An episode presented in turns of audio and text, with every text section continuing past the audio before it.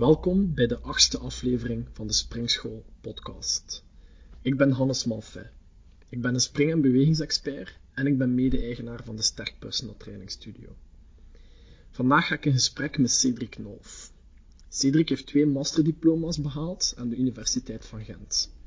Hij heeft een succesvolle atletiekcarrière op zitten en is op dit moment coach van verschillende toptalenten, ook binnen de atletiek. Cedric is iemand die heel veel kennis heeft over springen en tegelijkertijd ook veel ervaring. Een mooie combinatie voor alweer een mooie podcast. Cedric, uh, je hebt uh, als jonge, jonge gast uh, basketbal, karate, zwemmen en tennis gedaan. Um, hoe zijn je uiteindelijk um, bij atletiek terechtgekomen? Of hoe is uiteindelijk atletiek je sport geworden? Well, atletiek is altijd, um, is altijd de rode draad geweest doorheen mijn, mijn, mijn, sportieve, mijn sportieve carrière. Dus ik heb altijd die andere sporten gecombineerd met atletiek. Um, uiteindelijk ben ik dan karate en atletiek in, in competitieverband gaan doen. Al de rest was in club of via, via schoolverband. Um, ja, hoe ben ik daar eigenlijk toe, toe gekomen? Eigenlijk initieel in, in de lagere school was het mijn, mijn LO-leerkracht die zei, um, ja, precies wel stevige sprint in de benen. Um, misschien is het nuttig om eens te gaan posten bij de lokale atletiekclub, of je daar niet terecht kunt. Um, dat heb ik dan ook uh, gedaan. En ja, ben eigenlijk zo in de atletieksport terechtgekomen. Maar initieel deed ik dat zelf niet zo graag, omdat ja, de sport op zich lijkt bij, de, bij het grote publiek niet altijd even interessant. Um, waarmee dat ik bedoel dat de meeste de mensen atletiek associëren met uh, lopen. Dus looptraining, uh, start to run. Uh, Looptechniek. Ja, lopen. Ja, dus vrij, vrij saai, maar eigenlijk door, door heb ik zelf de atletieksport ja, ten gronde leren kennen door, door gekwetst te zijn, door groeipijnen te hebben. En um, zo heb ik dan de, de werknummers um, leren kennen vanwege het iets minder belastende karakter voor mijn blessure ja, dan, dan ging er eigenlijk telkens een nieuwe wereld open. Hè. Eerst de werknummers, dan, dan de springnummers, dan terug wat sprinten. Uh, polstokspringen komt er dan bij, ook zeer uitdagend. En van het een komt het ander. En uiteindelijk uh, ben ik aan de meerkamp gestart. Um, dat werd dan, ja, werd ik dan nationaal kampioen bij de jeugd. En dat, ging dan zo verder tot, uh, totdat ik echt topsport, topsporter werd en combineerde met de, met de studies. Um, dus, um, dus ja. Hm. Heb je, heb je het gevoel dat die, die karate-trainingen die je gedaan hebt, dat dat een, een bepaald effect heeft gehad op jouw atletiekprestaties? Ja, ik denk dat die algemeen die veelzijdige ontwikkeling hm. um, zorgt ervoor dat een, een bepaalde ja, coördinatiepakket uh, krijgt, of een palet aan, aan bepaalde bewegingen, ritmes, um, bepaalde ja, gewrichtshoeken waarin dat je werkt, dat je, um, dat eigenlijk veelzijdig ontwikkeld wordt. En zeker karate dat heeft, mij, mij echt wel geholpen, maar ook, het is full body, uh, dus, dus uh, ja, je schouders, je, heupen, uh, het is, het is, het is roteren, diepe, diepe standposities. ja, er is echt van alles, heel veelzijdig. En ik denk dat die mij wel geholpen hebben. Um, er is nog zo'n sport um, die ik toen combineerde maar niet in competitieverband. En dat was eigenlijk skateboarden. Ah. Dus, uh, en ja, ik, ben, ik heb daar echt wel een voorliefde uh, voor. En, en ik denk dat dat ook wel echt wel heeft bijgedragen aan, aan ja, de motorische ontwikkeling, als ook de mentale ontwikkeling. Want ja, je hebt daar veel barrières waar je over of op moet, of, of een, een, nieuwe, een nieuwe trick dat je wilt, uh, wilt aanleren. En dan, dan leer je echt wel je lichaam ja, echt kennen omdat je zelf, zelf gaat experimenteren. Dus ja. skateboarden is niet altijd uh, geleid. Het is heel dus, pijnlijk skateboarden. Ja, ook, ook pijnlijk. Ja. Dan, dan leer je van dat je onderuit kunt gaan en, uh, en hoe dat je jezelf moet herpakken om het toch te proberen, of juist niet. Of, uh, het is wel, wel opvallend dat karate, in mijn hoofd is karate en skateboarden zijn wel twee sporten die veel doorzettingsvermogen ja. vragen. Ja. Misschien wel, ja. Dat, dus, ja, dat helpt echt bij dat draagt bij tot de algemene vorming ja. voor u als, okay. als, als sporter, maar dan zeker als persoon. En dat is toch, dat is toch iets waar ik, uh, waar ik echt wel achter sta, is dat, dat sport en topsport, um, ja, dat is, dat, is een, dat is een metafoor voor, voor, voor uw experimenteerruimte voor, voor het leven. Waar dat je, dat je fout mocht maken, waar dat je kan winnen en verliezen en waar dat je echt enorm veel leert, dat je jezelf als persoon leert vormen. Dus eh, ik vind dat zeer, zeer nuttig, interessant en uh, uitdagend. Atletiek ehm, heeft soms inderdaad wel zo wat een... ehm, ehm, wordt soms wel als saai bestempeld. Eh, Ja. Lopen, lopen, lopen en looptechniek en eh, heel veel hetzelfde. Ik heb zelf ook atletiek gedaan en ik, eh, ik doe ook heel graag verspringen en, en hoogspringen. Wat is, wat is jouw favoriete onderdeel van, van atletiek? Ik heb, ja, ik, ik ben eigenlijk als basisopleiding ben ik meerkamper. Dus ehm, dat is, dat is een, een, een veel voorkomend probleem dat meerkampers eigenlijk de personen zijn of de atleten zijn die nooit hebben kunnen kiezen tussen de disciplines die eigenlijk alles graag deden en dan zo in de meerkamp terechtkomen. Bij mij was het niet anders. Ehm, maar eigenlijk mijn laatste vier, eh, vier jaar als, als topsporter heb ik toch ehm, één discipline gedaan en ben ik gaan specialiseren. Dat, dat komt door omstandigheden, door, ehm, ja, door school, eh, combinatie met school, eh, combinatie met werk en zo verder. Dan ben ik eh, gaan verspringen. Dus ik heb bewust die keuze gemaakt om te gaan specialiseren. Het is ook een nieuwe, een nieuwe uitdaging om, eh, om eens al uw, eh, al uw aandacht en... En, eh, En waarom heb je specifiek voor verspringen gekozen? Ik, ja, ik, ik twijfelde tussen drie disciplines. De drie sterkste disciplines, eh, verspringen, eh polstokspringen en speerwerpen. Dat waren de drie nummers die ik, eh, die ik het liefste deed en waar ik eigenlijk ook het best in was. En daar heb ik eigenlijk puur rationeel de afweging gemaakt eh, tussen de disciplines. Dus voor polstokspringen was, eh, was het financiële plaatje iets te zwaar om, om echt een nieuwe set aan stokken te kopen. Ehm, ook het reizen met die stokken is altijd een, een enorm avontuur. Daar had ik even geen zin in. Ehm, ja, het speerwerpen, daar was het grote probleem dat, eh, dat er maar één competitieperiode is per jaar. Dus de winterperiode, die, eh, ja, dan is er gewoon is er training en er wordt in de winter indoor niet gesprongen. Ehm, en verspringen, ja, dat was het simpelste. hè. Eh, spikes aandoen en ehm, een aanloop nemen en jumpen. Ik heb er Dus, eigenlijk nooit bij stilgestaan, maar inderdaad, als je polstokspringen doet, maar ook als meerkamper, dan moet je Ja. die stokken overal mee naartoe nemen. ja, ja. En als Dus- meerkamper is dat eigenlijk maar een heel klein onderdeel van... Ja. Ah, is dat maar één van de onderdelen van alles wat je doet, en toch moeten die stokken Ja. overal mee naartoe. Ja, ja, die stokken, die speren, eh, ja, dus die stokken zijn 5 meter lang. Dus eh, als je dat op het vliegtuig moet krijgen, dat is eh, altijd een, een serieus avontuur. Ehm, klopt het dat jij de eh, op één na beste sprong in het verspringen hebt, Ja. wat dat België betreft? Ja, dat klopt. Ehm, dus mijn 7,91 meter is de, de tweede beste sprong ehm, in België, dus in ons land, ehm, in zaal. Dus, dus indoor. Eh, outdoor heb ik de vijfde beste sprong, denk ik, eh, laten optekenen. die ongeveer dezelfde afstand was, maar dan, dan eh, outdoor. Dus ja, ik zei het, ben er, ben er behoorlijk ben er fier op. Ja. Ehm, Mag je zeker vier op ja, zijn. ik, ik- en ik denk dat er, daar zit zeker nog marge op. Ehm, maar in mijn huidige situatie, of de situatie toen, denk ik dat ik ja, bijna het maximum eruit heb gehaald. Ehm, En waar zat die marge dan volgens jou? ja, ik, Als je er nu op terugkijkt? ja, ik, ik combineerde met, met werk. Hè. Ik ben volledig, eh ja, je bent amateur, hè, dus je, je trainen na, na, na en tussen de werkuren.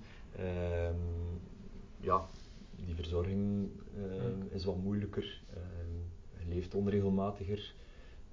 Ah, zeker in mijn, in mijn huidige job als, als coach in de topsport valt er heel veel samen.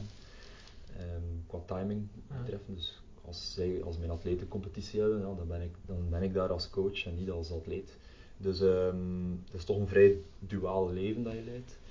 En ja, naarmate dat, dat je ook succeservaring krijgt en dat, dat het niveau van de atleten die je begeleidt hoger wordt, wordt alles een stuk intensiever. Tot het moment dat, het, dat je eigenlijk de keuze maakt van, ja, van echt, ja, ik ga voor mijn topsport coaching carrière als, eh, dan als atleet. Ja, ik denk dat dat echt wel iets is dat nog altijd heel hard onderschat wordt, is hoe, hoeveel dat het van, eh, van jouw lichaam en van jouw systeem vraagt om werk te combineren met topsport. Ja, zeker en vast. Zeker en vast. Mhm. Zeker, zeker, ja, zeker binnen atletiek, verspringen, dat is, dat is, eh, is zeer explosief. Die impact op je lichaam is enorm. Ehm, dus je moet daar echt 100% fris, zowel fysiek als mentaal voor zijn, om dat, om dat eh, tot een goed einde te kunnen brengen. Als je dan voordien eh, zes uur gecoacht hebt en zes uur rondgelopen hebt, ja, dat is niet altijd Mm. de beste basis om, ehm, om, om dan verspringen te gaan trainen. Dus ehm, ja, het wordt inderdaad vaak onderschat. Wat zijn, eh, wat zijn de belangrijkste prestatiebepalende factoren voor ehm, verspringen en eventueel voor hoogspringen? Of doe je die li- liever afzonderlijk? Ja, Ehm, ja die, die, zijn, die zijn afzonderlijk te, te, bepalen, maar op zich komt het op hetzelfde neer. Dat is eigenlijk, zeker verspringen, is het, is het, is uw aanloopsnelheid die belangrijk is en dan uw, uw afzethoek, dus de hoek waarin dat je afstoot. Dat zijn de, de enige twee factoren die, die bepalen hoe hoog of hoe ver je springt. In het verspringen is, is die, die horizontale factor heel belangrijk, dus die, die aanloopsnelheid is, eh, is, is de, de, de, de factor met het meeste gewicht. Ehm, bij het hoogspringen is juist die omzetting van uw horizontale snelheid naar die verticale, dus die afstoothoek wordt eh, zeer belangrijk. Dus het zijn in, in C zijn het ja, twee verschillende disciplines, eh, tot, ja, totaal verschillend, maar ja, ze lijken wel een beetje op elkaar, puur qua reglement en qua, eh, qua einddoel. Bij het ene is het zo ver mogelijk springen op, op, op één been, bij het andere is zo hoog mogelijk springen op één been. Eh, maar de me- mechanismen die erachter zitten zijn, eh, zijn wel verschillend. Ja. Dus de sprong eh, zelf is minder belangrijk dan de aanloop en de hoek waarmee Ja. dat je afstoot. Ja, ja, ja. ja eens, eens, ja, dat is puur biomechanisch. Eens, eens dat je de grond verlaat, ligt je, ligt je traject vast. Je momentum ligt vast. Dus, ehm, dus die rotaties dat je, dat, je, dat je op je lichaam zet, liggen allemaal eh, vast. Dus het enige wat je nog kan doen, is geen afstand meer bijwinnen, maar is enkel afstand of hoogte eh, verliezen. Ehm, Ja. En dat probeer je te beperken door die rotaties te gaan beheersen. Dus door, eh, door, door te draaien met uw, met uw ledematen, dus de hitchkick of de looptechniek in het verspringen bijvoorbeeld, of de hangtechniek, is, is u zo lang mogelijk maken om eigenlijk voorwaarts uw traagheidsmoment te gaan beïnvloeden, uw rotatiemoment te gaan beïnvloeden. Hetzelfde met het hoogspringen, ook hetzelfde. Dus het is eigenlijk een en al een spel met, met rotaties, eens dat je van de grond komt. Ja. Ehm, en voordien ehm, is het bij, bij het verspringen belangrijk om zo, zo hard mogelijk aan te lopen, zonder dat je eigenlijk je, je accuraatheid ten opzichte van je afstootbalk ehm, gaat beïnvloeden. Dus je moet eigenlijk een, een maximaal controleerbare snelheid gaan, eh, gaan hebben, ehm, in combinatie met ehm, ja, je lichaamszwaartepunt die een bepaalde, een bepaalde hoogtes of, of op bepaalde posities moet eh, kunnen komen, eh, bepaalde ritmes die op het einde. eh, dat is dan echt heel specifiek technisch. Maar dus ruwweg is het aanloopsnelheid ehm, en offsethoek, dat zijn de, de, de factoren. We kunnen daar straks wel nog iets, iets dieper op ingaan. op wat De, het, het, eh, je sprak over ritme. Eh, Wat is, het dan, is er dan een groot verschil bij de, het ritme bij hoogspringen en bij verspringen? Ja, je ziet, er wel, je ziet er wel variaties, maar globaal zie je vaak een ritmeverandering in de laatste, ja, laat ons zeggen, de laatste drie tot vier, vier passen echt. Ehm, dus de laatste vier steunen. Daar, ehm, daar zie je een, een, een ritmeverandering. Meer bepaald, eh, als ik spreek dan over de laatste twee passen, zie dat er een, eerder een, verlenging is van de voorlaatste pas en een verkorting is van de, van de laatste pas. Eh, daar zijn altijd uitzonderingen op. Eh, dus vooral bij het hoogspringen ga je vaker ook een, een, een, verlenging gaan zien van de laatste pas ook, omdat je iets meer je voet, dus je steunpunt voor je, of achter je lichaamszwaartepunt, ehm, kan, kan zetten en zo een langer contacttijd kunt hebben, meer kracht kan genereren en meer omzetting kan verkrijgen. Terwijl bij het verspringen wil je zoveel mogelijk snelheid behouden. Is het belangrijk dat, je eigenlijk je lichaamszwaartepunt niet te veel gaat, gaat afremmen, die horizontale snelheid niet te veel gaat afremmen. Dat doe je door eigenlijk je afstootvoet niet te ver voor je, eh, voor je, voor je lichaamszwaartepunt gaat plaatsen. Dus hoe verder dat je je, afzetvoet voor, voor je plaatst, hoe meer dat je gaat blokkeren, hoe meer horizontale snelheid dat je verliest, maar hoe meer hoogte dat je kan genereren. Dat is eigenlijk het spel. En ehm, daar moet je dan een optimum gaan, uh, gaan verkrijgen. Hè. En die ritmeverandering op het einde is eigenlijk, um, is eigenlijk gewoon een, een intelligente manier van je, van uw lichaam om um, in de juiste posities te gaan, gaan geraken eigenlijk. Kan je die intelligentie trainen op een bepaalde manier? Ja, je kan eigenlijk als je ziet, als je kinderen, dus ongetrainde kinderen, schoolkinderen, lagere, lagere school, als je die, die soms laat springen of laat verspringen, dan zie je vaak dat dat patroon van nature erin zit. Um, omdat die eigenlijk een, een, een, een ruw en efficiënt patroon van nature hebben. Het is dan meestal, um, als, er, als er gericht gaat getraind worden op bepaalde patronen of uh, sprinttraining, krachttraining is, een, is, een, is iets dat, dat zeer, uh, zeer hard de, het, het natuurlijk patroon beïnvloedt. Um, dan, dan moet je wel gericht gaan trainen. Hè. Als je ziet dat dat beïnvloed wordt, moet je gericht gaan trainen op die... Wil je, wil je zeggen dat het uh, gemakkelijker is om uh, het af te, dat, we, dat we te vaak het afleren, ja.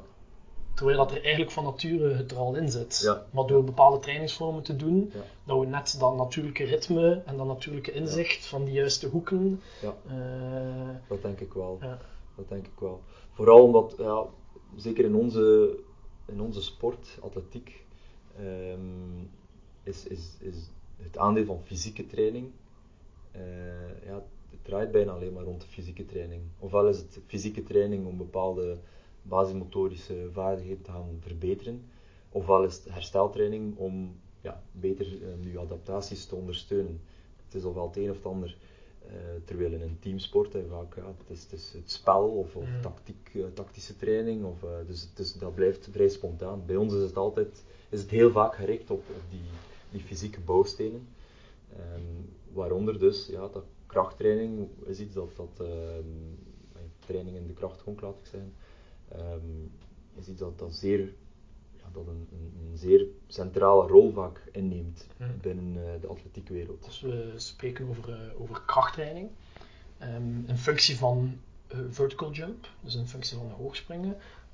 Um, als je moet kiezen tussen een, een, squat en een deadlift, welke oefening zou je dan kiezen? Um, je spreekt van vertical jump. Hè? Ja, Of dus je liefst van- hoogspringen in, ja, in de Ja, hoogte, bijvoorbeeld basketbal naar een ring springen Ja. of hoogspringen over een. Ehm, Ja, ja. Dan denk ik dat, ehm, dat, dat puur ehm, de, de, de squatbeweging daar nog het dichtste bij aanleunt. Ja, je zal altijd andere meningen hebben en andere. ey, Het is een, het is een, is een, een delicate eh, topic, laat ik maar zeggen. Van wat is de beste oefening? Eigenlijk is die, die specificiteit zeer belangrijk. Dus, dus wat, wat zie je? Ehm, als we over hoogspringen spreken, ehm, dan spreken we over een eenbenige afzet aan een bepaalde snelheid, aan 8,5 meter per seconde. Eh, spreken we op topniveau, hè, spreken we over verspringen. En ja, dan met een contacttijd van 150 milliseconden, 200 milliseconden, ehm, wat dan ook. Eh, bij het verspringen spreken we ook over een eenbenige afzet, maar dan aan 10 meter per seconde, 10,5 meter per seconde, dus een heel stuk sneller waarbij dat ook uw contacttijd ja, rond 100, 110, 120 milliseconden ligt. Dus dat is een, een zeer, zeer korte uh, contacttijd. Spreken we over een, uh, een, een, een, vertical jump, en dan gaan we richting ja, 300 milliseconden. Dus een tweebenige vertical jump, dus een, een, of een counter movement jump. Dan spreken we over een contacttijd of een, of een contractietijd van, van 300 uh, milliseconden. Dus dat is, al, al het dubbele van wat je verkrijgt bij ver- en hoogspringen. Dus dat zijn al heel specifieke karakteristieken uh, die de discipline op zich vraagt. Dus ja, een, een squatbeweging, wat is dat dan? Een, een, een squat jump, een, heavy squat, dus je hebt daar ook de variaties in. Laat ons dan zeggen van oké, een maximale squat, ja, dan zijn je soms tot een seconde bezig met die uitvoering. Dat staat mijlen ver van wat er moet gebeuren met, met een, een vertical jump, waar je richting die 300 milliseconden gaat. Heb jij, Uh, heb jij squats gedaan tijdens je uh, professionele carrière, tijdens je atletiek carrière? Ja, ik heb daar uh, zeker mee, geëxperimenteerd en toch in de laatste, ja, toch in de laatste jaren, en zeker het laatste jaar dat ik verspringen deed, wilde ik, misschien omdat ik dan al echt in die rol zat van coach en atleet, dat ik mezelf als, als proefpersoon gebruikte om te zien van oké, hoe ver kunnen we dit, uh, dit gaan pushen en, en, in welke mate zien we daar een positieve transfer in. Ja. Het is ook moeilijk om, om, om dat um, 100% te gaan on onderzoeken, want ja, ik doe ook verschillende soorten krachttraining, verschillende soorten sprinttraining, techniektraining, dus het is moeilijk om één oefening eruit te halen. Was, was er voor jou een positieve transfer op dat moment, van de squat um, naar het springen? Ja, op alles behalve het verspringen zelf. Hmm. Zelf nog verspringen op korte aanloop, dus op uh, een, een, een, aanloop van zes, zes passen zag ik, uh, zag ik dat wel, dat ik daar wel een heel stuk sterker ben. Uh, dus eigenlijk alles wat dan neigt naar de lange contacttijden, ja. daar zag ik een positieve transfer in. Ja. Dus hingstapspringen uit stand, staande vertesprong, staande hoogtesprong, ja, zelf, zelf mijn cleans, zelf mijn snatches, alles behalve mijn verspringen. Ja. Dus, dus dat is, voor mij is dat gewoon een, ja, dat is een fail, want... Ja. maar bijvoorbeeld voor een sport als basketbal, waarbij dat we dan ja. wel over die kortere afstanden spreken ja. en misschien iets langere contacttijden, zo, daarvoor zou een squat dan wel interessant kunnen zijn. Het is het, kan, het, het, is het proberen waard. Um, nu, ja, je zit altijd met een, met een soort van trade-off. Wat, is, wat, is, uh, wat zijn de kosten dat je hebt, wat zijn de baten dat je hebt? Um, lijkt het nuttig om maximale krachttraining squat te doen met uh, basketbalspelers die uh, twee meter groot zijn, enorme, enorme hefbomen hebben. Um, die dan met uh, 100, 150 kilo, 200 kilo in de nek uh, staan en, en, dan squatten. Ja, je moet daar al echt wel een serieuze trainingsbagage voor hebben. En dat is toch een zeer, zeer risicovolle ja. beweging. Ja. Dus ja, je kan het proberen bij bepaalde types, maar dat is afhankelijk van situatie tot situatie. Ja, nu, als je spreekt over types, um, um, heb je van die, van, die, van, van die mensen die van nature gewoon heel ver kunnen springen. Ik, ik heb samen met iemand gebasket en uh, die deed niets van krachttraining, die deed mm. niks van extra inspanningen en die kon echt springen, ja. dat was onwaarschijnlijk. Zijn er bepaalde, genetisch, uh, bepaalde genetische factoren die een positief effect hebben op verspringen, hoogspringen? Dus, uh, ja, spiervezeltypering, spiervezeltypes. Uh, en het aandeel vooral van die, type, die type 2 en type 1 vezeltjes. En hoe kom je dat te weten dat iemand het een of het andere heeft? Ja, vaak zie je het op, op, zicht ja. natuurlijk. ook, ook hoe dat die spieren eruit zien. Um, hoe dat, hoe dat, uh, welke antropometrie dat die atleet heeft. Nu in de UGent uh, hebben ze ook um, een, uh, een niet-invasieve ja, hoe zou ik zeggen, detectiemethode waarbij dat ze eigenlijk het carnosinegehalte van de spier gaan meten. Dat kunnen ze via NMR-scan doen. Ja. Dus dat, dat doet geen pijn, dat is gewoon onder de scanner liggen. En van daaruit kunnen ze dan um, ja, behoorlijk goed inschatten welk type dat je, dat je bent.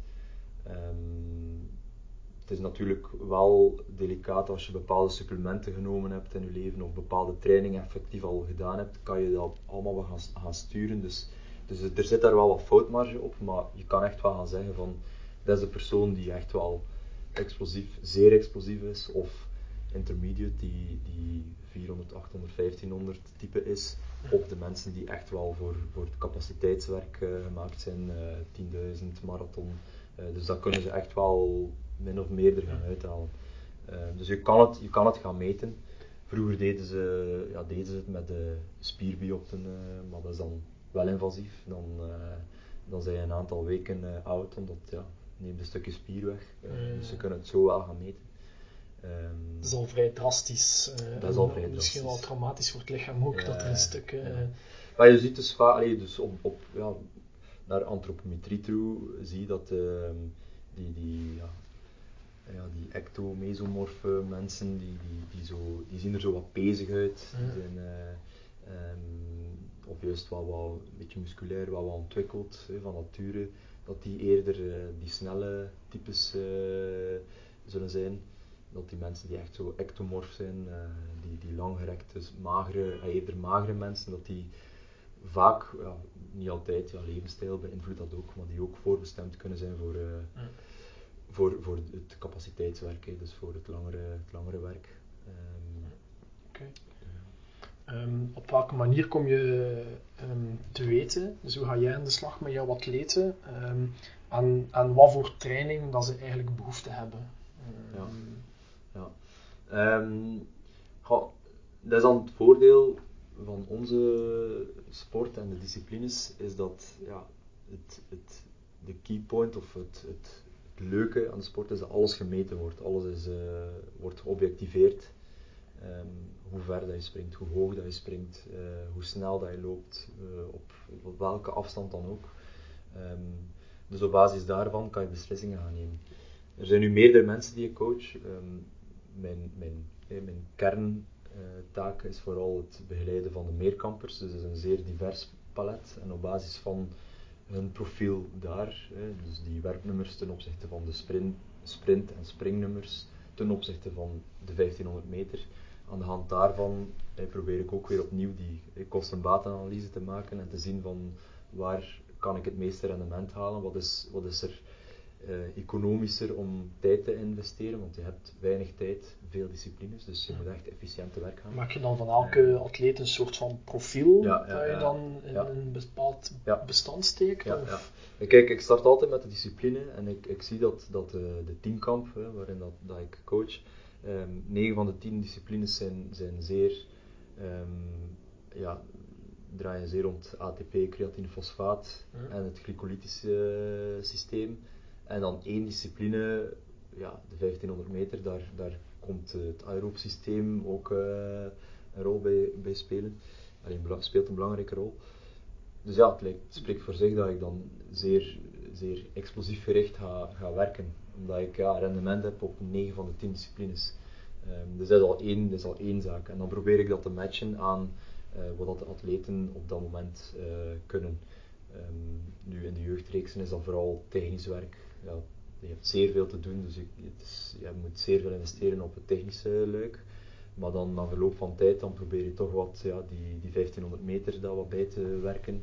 En dan wordt het een balans. Hè. Hoe, ja, je, kan, je kan niet per se zowel aeroop heel sterk staan, of, of op een zeer hoog niveau zetten, als, in, als een 1500 meter loper chronos gaan halen. En dan nog een keer ook ATP, creatine, fosfaat, um, zeer hoog gaan zetten. Dus het, is, het is altijd weer een, een trade-off. Um, de wereldkampioen dus, nu, uh, Kevin Mayer, ja. Uh, die was bij de 1500 meter, dat was zijn minst sterke onderdeel?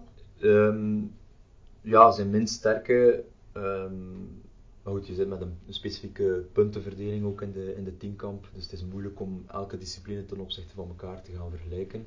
Um, maar het is wel zo, als je vergelijkt ten opzichte van wereldrecords bijvoorbeeld, dat bijna in elke discipline er zeer hoog gescoord wordt, uh, of kan gescoord worden.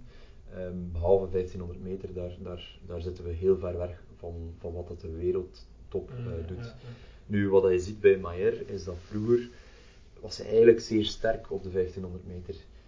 Maar als je dan kijkt hoe dat hij er toen uitzag en hoe dat hij er nu uitziet, is een totaal ander atleet geworden. Dus die hebben echt zeer veel geïnvesteerd op die negen andere disciplines. Dus vooral op snelheid, daar heeft hij enorm veel gewonnen. Maar als gevolg dat eigenlijk die 1500 meter achteruit is gegaan. En is zijn, zijn, zijn, zijn uh, spiertype dan ook veranderd? Of is dat... Ja, je kan dat niet, je kan dat niet heel drastisch gaan, gaan veranderen. Je kan niet, uh, er zit daar een klein beetje rek op, dat kan je een klein beetje gaan sturen, maar dat is maar zoveel procent. Ik durf daar nu geen uitspraken uh, over doen, maar dat is zeer miniem. Um, nu, ik denk dat dat bij hem al effectief aanwezig was maar gewoon niet voldoende ontwikkeld. Potentieel was, aanwezig. Ja. En dan door, door specifiek uh, het ene, ja, laten we zeggen, energiesysteem te gaan trainen, is hij daar, heeft hij daar een enorme sprong voorwaarts gemaakt. Met ja, de kost dat hij op die 1500 meter uh, achteruit is, is, is gegaan. Maar globaal zie je dan dat hij um, op, op, op, ja, op vijf jaar tijd uh, bijna duizend punten is vooruitgegaan. Want dat, ja, wat dan monsterlijk is. Hè. Dus, uh, dus, ja. kan, je, kan je explosiviteit meten op een bepaalde manier? Kan je dat in een profiel gieten of Ja, bepaalde Dat kan, er zijn, er zijn ja, je hebt een- zeer veel testbatterijen, maar ook hier is weer die rol van, van specificiteit eh, belangrijk.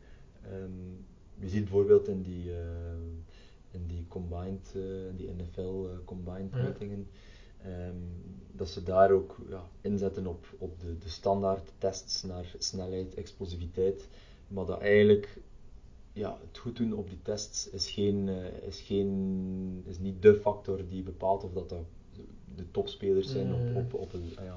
Meestal zijn het dat niet de spelers die, eh, de- meestal zijn dat niet de beste spelers. Nee, want er wordt ook vaak getraind op de test. Ja. Ehm, dus die trainen dan om een goede vertical jump te kunnen. Maar eigenlijk, die vertical jump is een, is een gecontroleerde beweging. Eh, ook weer tweebenig. Eh, vraagt geen, eh, geen cognitieve vaardigheden, dus geen tactisch inzicht of spelinzicht. Of het is, het is Mm. niet eh, met een tegenstander die, u, Mm. die aan uw been hangt. eh, geen interactie. Dus die transfer is moeilijk. Dus ja, die testing, je kan dat gaan doen, maar de transfer altijd naar de discipline is, is, ehm, ja, is, is, is vaak beperkt. Om nog eens terug te komen op, op ja, squat of deadlift. Ik heb echt geïnvesteerd in die, in die squat. Die is eh, op korte tijd heb ik die een, een, eh, een vrij diepe squat van eh, om er cijfers op te kleven van een, eh, een, paar reps en 120 kilo. Ehm, diepe squat na 185 eh, op, op twee maanden, twee maanden en een half tijd. Dus dat is enorm, dat is naar boven geknald. Als je dat Mhm. procentueel uitrekent, is dat een enorme progressie. Ehm, al mijn testjes, explosiviteitstestjes, waren beter dan ooit. Dus er was enorme transfer naar die testjes, maar eigenlijk naar het specifieke, mijn verspringen, afstoten aan 10 meter per seconde, ja, dat heeft weinig, weinig link met. Ehm, dus, dus je moet altijd ja, je testing gaan kiezen ja, in functie van de specificiteit van je discipline, waar je eigenlijk op vooruit wil gaan. Ehm, dus ja, maar er zijn, er zijn inderdaad wel zaken die we, die we doen om, om op te volgen. Dus, dus inderdaad een, een vertical jump, dus een counter movement jump doen we, een drop jump, eh dip jump, eh, dat zijn de tests, ehm, loopsprongen, dus ehm, twee loopsprongen en een landing in het zand bijvoorbeeld. Ehm sprinttests, dus een, een, een 60 meter dat we lopen, daaruit de topspeed halen, de, de topsnelheid. Eh, 30 meter vliegend, dus een, of 20 meter vliegend, dus, eh, dus een vooraanloop nemen en dan maximaal 10, 20, 30 meter gaan lopen, om te zien ook weer wat dat die topsnelheid daar ligt. Ehm, een 120 meter of een 150 meter, om, ehm, om, om echt uw, uw anaeroop vermogen te gaan meten, dus wat dat uw glycolytisch systeem aan kan als je het bijna volledig leegtrekt. Ehm, dus dat zijn zo allemaal En aan de hand daarvan bepaal je dan waar dat die atleet behoefte aan heeft. Ja, dan kijk je vooral, het is voor mij vooral nuttig om te zien in welke status dat ze zich bevinden. Dus, dus vooral omdat die explosiviteit is iets, als je dat wil verbeteren, moet je kwaliteit en specifiek gaan werken. En dus als je vermoeid bent, heeft dat eigenlijk geen nut om, om dat, eh, het heeft wel een nut, hè, ik bedoel, kan me wel inbeelden, maar dat is dan bijvoorbeeld in basketbal, ehm, als je in de zoveelste helft zit en je zit echt al met, de, met het zuur in de benen, Mhm. ja, dan moet je nog altijd wel kunnen snelle cutbewegingen maken, eh, Mhm. jumps doen, dunken, eh, Mhm. wat dan ook. Dus het is wel relevant om, om die explosieve beweging onder vermoeidheid te kunnen doen, maar dat is ook weer een, een specifieke, kap, een, allee, een specifieke vaardigheid. Of, of, eh, Ja, Elke wedstrijd is ook weer anders. En Ja, ja. te- elke tegenstander is ook weer anders. En, eh, Ehm, ehm, Velocity-based training, dat is iets eh, waar dat jij ehm, veel mee werkt. ja. Kan je daar wat meer uitleg over geven? Van waar komt dat? Wat is dat precies? Ja. Dus iets, goh, waar heb ik dat voor de eerste keer, dat moet een, een vier, vijf jaar geleden zijn, waar, dat ik, eh, waar dat ik er dan zelf als, als, als coach op gebotst ben. Het is iets dat al lang, lang bestaat. Ehm, dat is al eh, decennia, eigenlijk, wat er al decennia mee gewerkt wordt. Ehm, dus eigenlijk, vooral in de, in de, in de krachtzaal wordt dat ehm, vaak toegepast. Maar ik gebruik de principes ook voor een, voor een sprinttraining bijvoorbeeld. Dat is eigenlijk dat je effectief gewoon je snelheid, je output gaat meten die je haalt. Ehm, omdat eh, snelheid is iets wat dat, eh, eigenlijk wat je onafhankelijk van je vermoeidheid kan gebruiken. Terwijl in de krachtzaal wordt er vaak eh, van gewicht uitgaan, dus externe belasting dat je toevoegt. Ehm, maar dat is zeer afhankelijk van de dag dat je hebt. Als je een, een 1RM-test doet en je hebt toevallig een, een fantastische dag, um, dan, dan, uh, dan is dat de referentie voor de komende weken waar je dan op baseert, je krachttraining op baseert. Um, maar het kan zijn dat je dan toevallig een, uh, een slechte dag hebt en dan, dan zie je die percentages staan van je, van je 1RM. En dan haal je die niet meer, dan haal je je stats niet meer. Dus ik vind dat iets zeer moeilijk om mee te werken. Terwijl die snelheid output is iets van als je minder dag hebt en je moet 1 meter per seconde bar speed halen, wel dan blijft dat 1 meter per seconde, dan pas je je gewicht aan, aan, uh, aan de status waarin dat je op die dag uh, bevindt. Um, dus dat vind ik een zeer interessant iets. Is dan um, een veiligere manier ook? Um, God, veiliger, ja, misschien wel, omdat je anders misschien te veel gaat pushen om toch dat gewicht uh, te, te kunnen gaan doen. Ja. Terwijl dat je dan eigenlijk met een soort van snelheidszone zit waarin dat je werkt. Um, en dat, uh, ja, dat dat eigenlijk bepaalt, uh, je gewicht eigenlijk bepaalt, je externe belasting bepaalt. Kan je mensen een beeld geven van hoe dat, dat precies, uh, zo'n systeem precies in elkaar zit? Ja, dus ik werk eigenlijk, of je bedoelt dus het meetinstrument? Ja, het meetinstrument. Ja. Um, er zijn, je hebt merknamen, GymAware, Tendo units, um, dat zijn effectief koordjes die aan de, de bar, van, dus uw, Olympische bar, bevestigt. En dan meet rechtlijnig hoe dat je, dus uh, welke, de concentrische kracht, dat is belangrijk, concentrische kracht dat je levert. Dus bij benchpress, squats, squat jumps, uh, bij cleans, uh, snatches kan je het ook toepassen. Um, en dat is, dat is puur, dat is heel simpel eigenlijk. Dat is, dat is een meetinstrumentje dat eigenlijk, ja, je weet hoe lang dat de koord is, hoe snel dat het beweegt. Dus als je afstand en tijd hebt, dan weet je ook de snelheid waarmee dat je het beweegt.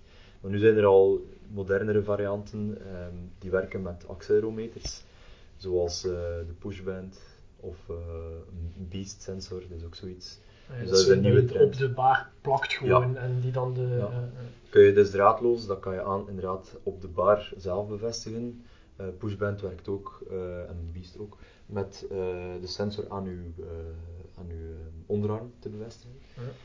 Um, en op basis van versnelling, dus als je springt zit er een bepaalde versnelling in, die accelerometer detecteert dat en weet dan hoe snel dat je je, je bar bewogen hebt. Um, en dat werkt, dat werkt vrij, vrij goed. Ja, soms zit er wel een keer een, uh, een bump in dat je voelt van oei, dat, dat is een vreemde waarde. Um, maar ze hebben dat gevalideerd uh, aan de hand van, van krachtmeetplatforms en Tendo-units. En er zit daar wel een, kleine foutmarge op, maar het is betrouwbaar om het, om het uh, te gebruiken. Zeker om trends te gaan detecteren, is het een zeer interessant iets. Um, dus, dus je bevestigt het touwtje aan de bar of de, de pushband aan je arm of de barhoek. En dan, ga je, dan doe je je sessie. En uh, dan zie je live op een iPad of, eh, of op een gsm uh, je output, je snelheid output. En er zijn er onderzoeken op gebeurd van welke zones die, dat je moet behalen, welke snelheidszones die je moet behalen om minstens een bepaalde soort krachttraining te gaan doen. Dus bijvoorbeeld maximale krachttraining. Als je echt maximaal richting die 95, 98, 100 procent, um, dan is je snelheid zeer laag. Bijvoorbeeld bij een, uh, bij een squatbeweging zie je dat je dan tot 0,3 meter per seconde snelheid gaat. Dus als je dan op 0,4, 0,41, 0,39, dan weet je in principe kan er daar nog een klein beetje, um, kan er nog een klein beetje gewicht bij. Dan kan je zo weer testing gaan doen. Um, het is ook zo dat eigenlijk dat je aan de hand van die snelheidsmeting en de externe belasting die je gebruikt, dat je een bepaald profiel kunt gaan opstellen. En dat, dat, dat eigenlijk um, door middel van een extrapolatiemethode, dus door, middel van, van uh, een voorspellingsmethode, um, je ene rem kan bepalen door met submaximale gewichten um, tests te gaan doen. dus bijvoorbeeld, uh, stel dat Stel dat je met uh, dat je benchpress doet. Ja, vermoed dat je ene rem ergens rond de 120 kilo kan liggen. Stel dat je zegt, oké, ik start met 60 kilo. Ik doe drie reps met het toestel die de snelheid meet. Dan ga je dan gaan plotten op een grafiek. 60 kilo, zoveel meter per seconde. Oké, we gaan naar 80 kilo, heb weer eh, een aantal reps, zoveel, uh, zo'n snelheid aan, aan zo'n gewicht. En dan kun je zo eigenlijk een grafiek gaan samenstellen. En dan zie je dat die grafiek eigenlijk vrij, in principe, in theorie, is die eigenlijk behoorlijk rechtlijnig. Um, dus als je dan 100 kilo neemt, ga je zien die snelheid, die output die je haalt, is nog lager. Maar dat komt eigenlijk vrij rechtlijnig. Die lijn kan je dan doortrekken zonder dat je eigenlijk je ja. moet testen, kun je ja. ze doortrekken. Ja, ja, ja. En zo kun je ook uh, een soort van uh, readiness testjes doen in je opwarming, in je warming-up. Kun je zeggen, oké, okay, uh, ik doe um, zoveel reps met uh, 40 kilo bench en dan zoveel reps met 60 kilo bench. En aan de hand daarvan kun je een projectie hebben van, oké, je geschatte ene rem vandaag zal ongeveer zoveel zijn.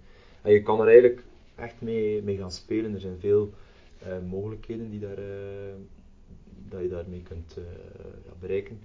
Um, wat dat vaak gebruikt wordt. En dat, dat, sluit een beetje aan bij het, het uh, profileren van die types, dat je zei, van die snelheidstypes en waar dat je op moet werken, is het opstellen van zo'n uh, force load curve of een force velocity curve. Um, het is Morin, de onderzoeker Morin, die daar, die daar zeer veel onderzoek nu naar, naar doet. Een Franse onderzoeker. Ja, ja, die daar veelbelovende resultaten uithaalt. En die, um, die ziet dat je um, eigenlijk een soort van optimale curve kunt hebben, dus een individuele optimale curve. En dat je aan de hand van zo'n zo'n testing je actuele curve kunt bepalen. En dan zie je dat er een afwijking zit op je theoretisch ideale en je huidige.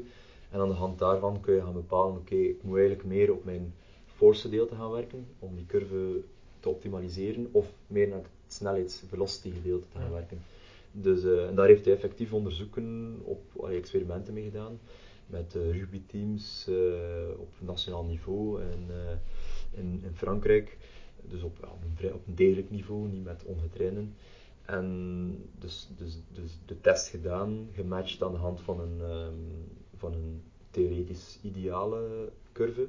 En dan gekeken van oké, okay, die groep moet eigenlijk trainen op een op, eh, krachttraining, force, force gedeelte. Die andere groep heeft nood aan een velocity gedeelte. En de mensen die in een optimale, die eigenlijk in een range zaten van een optimum, die er eigenlijk ongeveer op zaten, die trainen dan mixed. Dus deden zowel force als velocity. Dus die mm. combineren dan bijvoorbeeld sprinttraining met krachttraining. En dan uh, matchen ze ook met controlegroepen en zo. En dan zagen ze effectief dat er een beter resultaat werd. Dus dat er een, een beter gescoord werd in de groepen die dus, uh, die dus trainen volgens een nood eigenlijk. Dat de trainingsresultaten ja. dat de resultaten verbeterden ja. doordat ze specifieker werden en ja. dat niet iedereen over dezelfde kam gescheerd werd. Ja, ja, ja. Um, dus ja, dat zijn zo interessante zaken wat je ermee kan doen, die je als coach uh, soms meer aangrijpingspunten geven om beslissingen te maken. Um, is dat, is dat the way to go? Ja, voor mij, voor mij niet. Um, sowieso in coaching, een, een zwart-wit verhaal is nooit. Dus je moet altijd kijken uh, naar, naar, naar het individu en, en wat de persoon nodig heeft. En aan de hand van één test in de krachtzaal is het moeilijk om daar heel je programma op te baseren. Maar het geeft wel wat weer een, een richting, uh, kan bepaalde vermoedens bevestigen. Net als die counter movement jump op vlak van explosiviteit. Um, het is beter van, een, van een, een, soort van testbatterij te hebben om op te volgen, dan eigenlijk ja, al, uw, al uw eieren in, in één mand uh, te gooien en, en, en pure beslissing te laten afhangen van wat hij doet op een vertical jump. Ja, dat dan mijn, mijn hoogspringtraining zou bepalen, dat zou toch een beetje uh, tricky zijn. Um, dus je hebt ja, meer nodig. En die specificiteit op vlak van topsport eh, is, is, ja, is, gewoon, dat is gewoon de key. Hè. Um, maar om specifiek te kunnen trainen moet je een bepaalde bagage hebben, een bepaalde belastbaarheid, uh, een bepaalde bewegingsefficiëntie en daarvoor, voor die onderbouw, heb je natuurlijk andere soorten training nodig. Hè. Dus, dus die maximale krachttraining heeft een functie, uh, of hypertrofietraining kan een functie hebben, uh, isometrische training kan een functie hebben, excentrische training uh, powertraining, vermogenstraining heeft een functie. Het heeft allemaal een functie, zolang dat maar onderbouwd is en afgestemd is op elkaar. En dat er een, een, een hoofddoel is Ehm, en dat is die specificiteit, is uw, is uw sport, is uw, is uw spel, is uw, uw positie, uw... Je sprak er niveau. juist over ehm, GB Moran. Ja. Ehm, heb je ze nog personen of mentoren die, die je volgt en waar Ja. dat je eh, dingen probeert van op te pikken? Ja, Eh, Brian Mann is zo een, die, eh, die heel hard met eh, velocity-based training eh, werkt en die een beetje aanzien wordt ook als eh, een van de pioniers, eh, omdat hij dat effectief eh, onderzoekt, eh, toepast, resultaat meehaalt, boeken over schrijft, dat is vooral belangrijk, die deelt zijn, zijn expertise, Ehm, omdat dat toch een topic is die, die vrij specifiek is rond, rond, eh, rond krachttraining, de basiskrachttraining ga je enorm veel vinden. Eh, is er ook enorm veel eh, over geschreven, over ehm, trainen met percentages, eh, trainen met nu RPE-loads, ehm, eh, training met allee, voorschrijven van reps in reserve. Allee, er zijn tal van mogelijkheden, maar hij werkt dan specifiek met velocity-based training. Vooral binnen de krachtzaal. Binnen de krachtzaal, ja. Ja.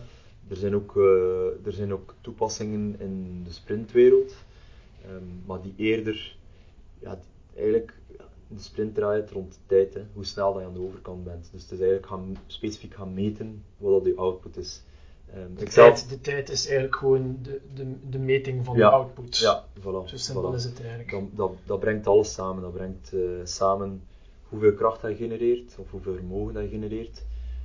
Maar met vermogen alleen ben je nog niet, want als je die in de verkeerde, verkeerde richting zet, of niet efficiënt genoeg op de grond plaatst, ga je ook niet sneller vooruit. Hmm. Dus die tijd is gewoon een combinatie van die efficiëntie, dus je techniek of, of, eh, of, of fysiek ook, ehm, en, en je output dat je levert. Dus die twee samen zorgen ervoor dat je snel ergens bent. Of, Als, als, als je bijvoorbeeld een atleet hebt die een, eh, een trage start heeft in het sprinten, ga je dan de, de, de start meten met de, in tijd ook? Of, eh, Ja, dat gebeurt, dat gebeurt soms eh, dat we dat doen. Ehm, niet altijd. Ehm, afhankelijk van, ja, op den duur weet je ook wel wat, dat, wat, dat, wat dat de puntjes zijn waar je naar moet kijken. Ik gebruik heel veel videoanalyse om dat, eh, om dat te bekijken. doe je dat met een bepaalde app? Of, eh, Ja, ik werk nu nog met de techniek van uh, Ubersense. Ja. Ehm, gewoon omdat het handig is om, om te scrollen en op de spot. is dat eh, een gratis, te een gratis app? Ja, dat is gratis. gratis ja.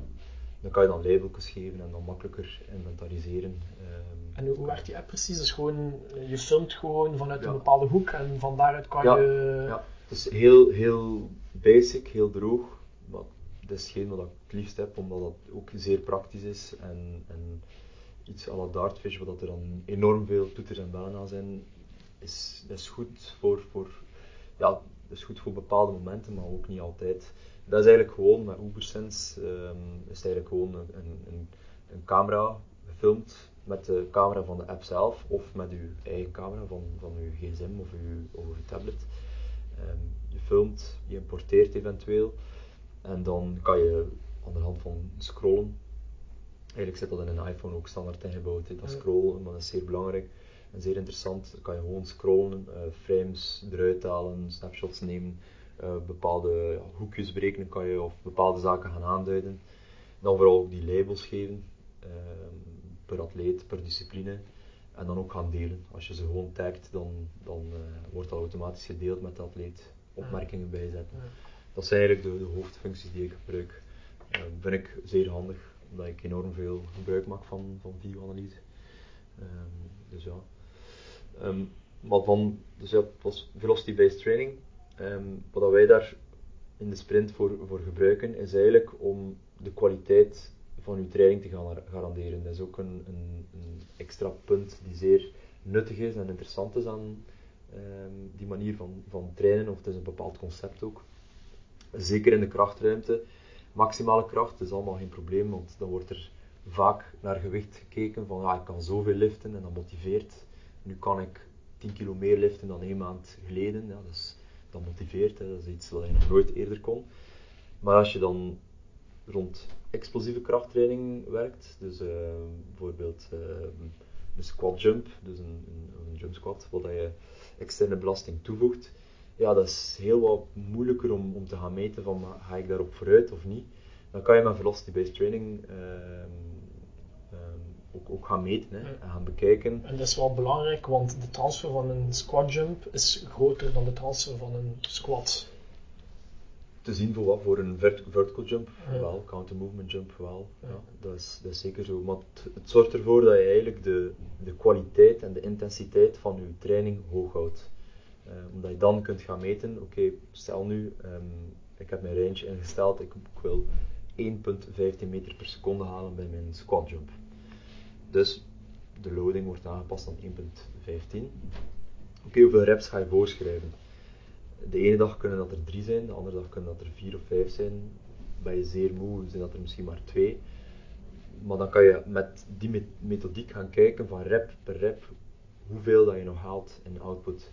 Dus je kan bijvoorbeeld zien dat je, dat je eerste herhaling 1.2 haalt, tweede herhaling 1.15, derde herhaling 1.0 en dat het zo naar beneden gaat. Dan hoef je niet per se te gaan pushen om zes reps te doen, omdat dat zo in de Mm. literatuur staat.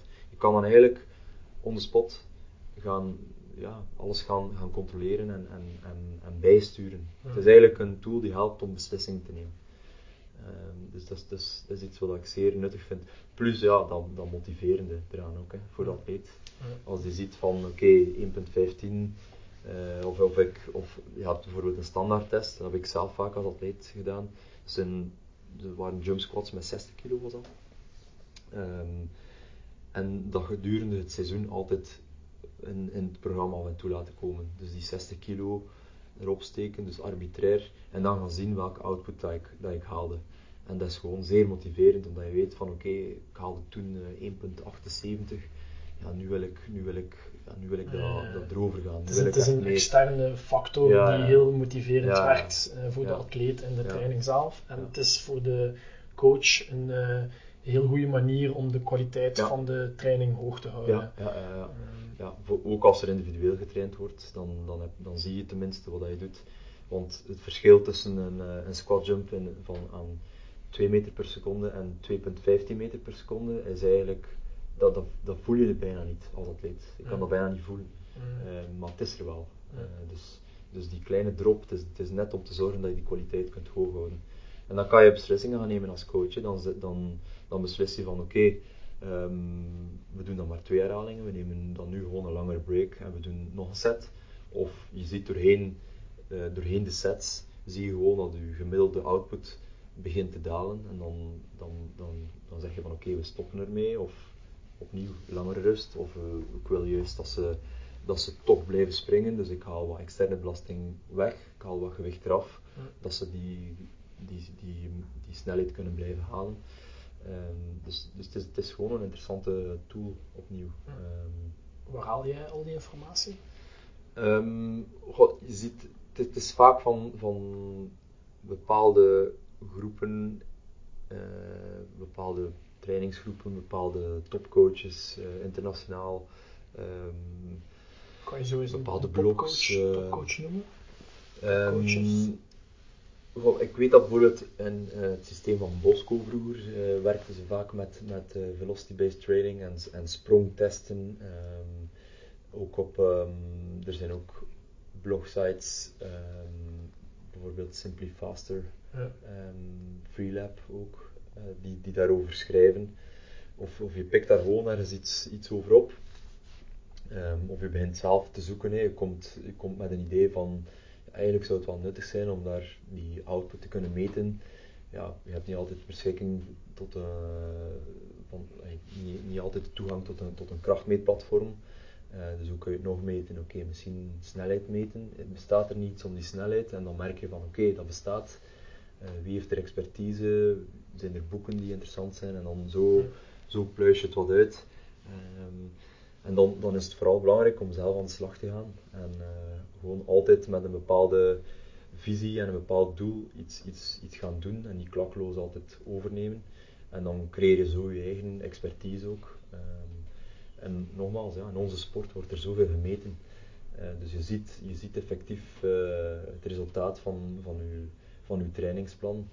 Ehm, tot nu toe ja, heb ik altijd wel, wel ehm, resultaten gehaald die in mijn verwachtings, eh, die in lijn van verwachtingen ligt. Dus, ehm, dus ja, ik heb vertrouwen in een systeem dat nu al wat toegepast wordt. Is er een, eh, is er een bepaalde podcast ehm, die voor jou er bovenuit steekt? De podcasts, de podcasts, waar dat je het meeste van geleerd hebt? Dat je zegt van eh, basketbal, fysieke trainers en atletiek trainers, die podcast moeten ze gehoord hebben? Of misschien een persoon Hmm. eh, die heel interessante podcasts maakt? Ja. Goh, ehm, ja, nu, nu- ik luister wel, wel Ik weet dat je relatief veel naar, en- naar podcasts luistert. ja, en, en zeer, zeer divers ook. Ja. Ehm, Dat is misschien ook wel al een goede. Dat is misschien ook al een goede tip dat je niet moet vastpinnen op één. Ja, het mag niet te eenzijdig, eh uw informatiebron mag niet te eenzijdig eh, gevoed worden, omdat op den duur eh, is het dan ook alleen maar dat dat, eh, Ja. dat dan voor u de holy grail is. Ja. Ehm, ik vind training, coaching, topsport vooral, dat is zeer eh, holistisch van, van, van aard. Ehm, je kan dan ook fysiek zo goed zijn als dat je wilt, eh, als het mentaal dat niet mee wilt, dus daar moet je dan ook van alles over weten. Ja. Je moet veel weten over planning, periodisering, eh, monitoring, biomechanica, fysiologie. Eh dat zijn allemaal topics die interessant zijn. Uh, ik, zou, ik zou zeggen eigenlijk gewoon een algemene tip is, is, eh, is, u, is zorgen dat je zeker de basics begrijpt. Ehm, dat je zorgt dat je ook een, een basisraamwerk voor jezelf ehm, creëert en toepast. En nog niet te fancy en te, te hoe zou ik zeggen, te, te, zwart-wit eh, gaat gaan, gaan redeneren, ja, werken. Dat je, dat je een bepaalde filosofie erover over houdt. En, en als je niet zeker bent van een bepaald topic, dat je daar ook conservatief in blijft. En pas als je je er verder in verdiept hebt en beter weet wat de mechanismen zijn, dat je dan pas meer gaat, eh, gaan voorschrijven. Ehm, Het eerst begrijpen en het dan gaan voorstellen. ja, ja toch, eh, toch wel. Dat is dat je inderdaad wel veel ziet in de trainerswereld. Dat de coaches Ja. niet altijd begrijpen wat ze eigenlijk Ja. aan het doen zijn met hun Ja, atleten. ja, ja. Het is dus zeer veel copy-paste gedrag. Hè. Het is ook omdat die wereld is zo breed dat, eigenlijk, ehm, dat het eigenlijk het makkelijkste is om te gaan kijken van oké, wat doet die ene topcoach, wat doet hij met zijn atleten en dan Ja. wordt dat overgenomen. Eh, Terwijl dat eigenlijk, ja, iedereen is anders. En, en zeker in de, in de topsport ook, werk je niet, ook niet met gemiddeldes, werk je met die uitzonderingen. Die mensen die al voorbestemd zijn om, Ja. om net iets harder te kunnen lopen of net iets harder te kunnen springen. En juist die mensen beter te gaan maken. Dus, eh, dat vraagt ergens wel dan moet je wel wat inzicht hebben. En, en een zeer breed inzicht. Dus, ehm, dus ja, het is, het is- ik, zie, ik vergelijk het vaak als, als, als twee zaken eigenlijk. Vaak met Formule 1 dat ik het vergelijk. Ja. Dat eigenlijk je auto eh, probeert je zodanig te tweaken dat die, dat die toch uh, baanvast is, dat die, dat die banden goed zijn, dat die carrosserie juist afgestemd is op die motor. Dat, eh, dus dat is eigenlijk je lichaam. Ehm, en uw trainingsplan, dat vergelijk ik vaak met, met, eh, met koken eigenlijk. Hè. Dus, eh, en, en het verschil tussen de coaches en de filosofie, er zit daar ook een bepaalde, ik kan niet zeggen een beetje magic in, maar er zit daar ook een beetje gevoel in. Kruiden dus, eh, ja, het kruiden, inderdaad. Je, je kan iedereen dezelfde ingrediënten geven, eh, met het, het recept erbij. Dan nog zal uw, uw, uw, uw taart dat je bakt nog anders smaken. Eh, ondanks dat je dezelfde ingrediënten heeft, dezelfde, dezelfde afmetingen en, en wat dan ook. Ehm, het zal toch, toch wat anders smaken. Dat is zo wat de, de touch van, eh, van, van, van, de, van de kok, hè, van de coach. Nu, wat, als je die lijn dan verder trekt, ehm, op zich kan, kan, je, kan iedereen een goede coach worden. Ehm, als je ook begint met te kijken wat de topcoaches doen, dan weet je al beter wat je best doet en wat niet doet. Dan creëer je wel een bepaald raamwerk vanuit de praktijk. Probeer dat te koppelen aan de theorie, dat je de mechanismen begrijpt. En ja, de topcoach is, is, de, is diegene die, die kan spelen met, ja, stel nu dat je je taart wilt bakken en hebt maar de helft van de hoeveelheid van je boter dat je nodig hebt, of de helft van de hoeveelheid van je bloem dat je nodig hebt. Hoe ga je die, al die andere ingre- ingrediënten afstemmen op elkaar om toch nog tot de beste taart te komen? Mm. eh, met de beste smaak en de, en de be- beste textuur en, en ehm, dat, dat zijn die coaches die hebben dat inzicht en die kunnen dat ermee gaan spelen. Terwijl de andere coach die dan copy-paste doet, zal misschien ja, zoveel procent er wel op zitten, maar dan heel vaak niet, omdat het eigenlijk niet Omdat het niet, niet 100% begrijpt. Ja. Dat is wel En- mooi. mooi. Ja. Ehm, heb jij eh, een bepaald, eh, leef jij volgens be- een bepaald eh, levensmotto om deze, deze sessie mee af te sluiten? Ja, het is eigenlijk het is, het is geen, het is geen uitspraak, maar het is wel een filosofie en een concept wat ik zeer interessant vind. Dat is Kaizen, het Kaizen-concept. Ja. Een beetje Japanse filosofie, Ja. dat eigenlijk, ehm, eigenlijk constant eh, streeft naar, naar progressie en op, elke, op elk puntje dat je, dat je kan efficiënter maken, eh, de efficiëntie omhoog brengen, dat je dat probeert en dat eigenlijk het geheel van alles, eh, van die efficiëntiestroom en die efficiëntie-ingreep, dat dat leidt tot, tot een voortdurende vooruitgang. Ja. Dat is iets wat ik eigenlijk vol naar leef en, en op alle vlakken. Ja, probeer mijn, eh, het huishouden eh, zo efficiënt mogelijk te maken, omdat dat, dat creëert weer tijd om, eh, om iets anders te gaan doen, dat u dan kan vooruit helpen op een ander vlak. Op mijn coachingvlak creëert dat creëert bijvoorbeeld tijd om te gaan lezen. Ja. Maar het lezen zorgt ervoor dat ik mijn planningen efficiënter maak, dat mijn atleten minder snel geblesseerd raken of dat ik sneller kan eh, ingrijpen op bepaalde situaties. Elke dag een beetje beter. elke dag een beetje beter. Ja, We gaan daarmee afronden. ja zeer goed. Merci voor uw tijd. Ja, dank u wel.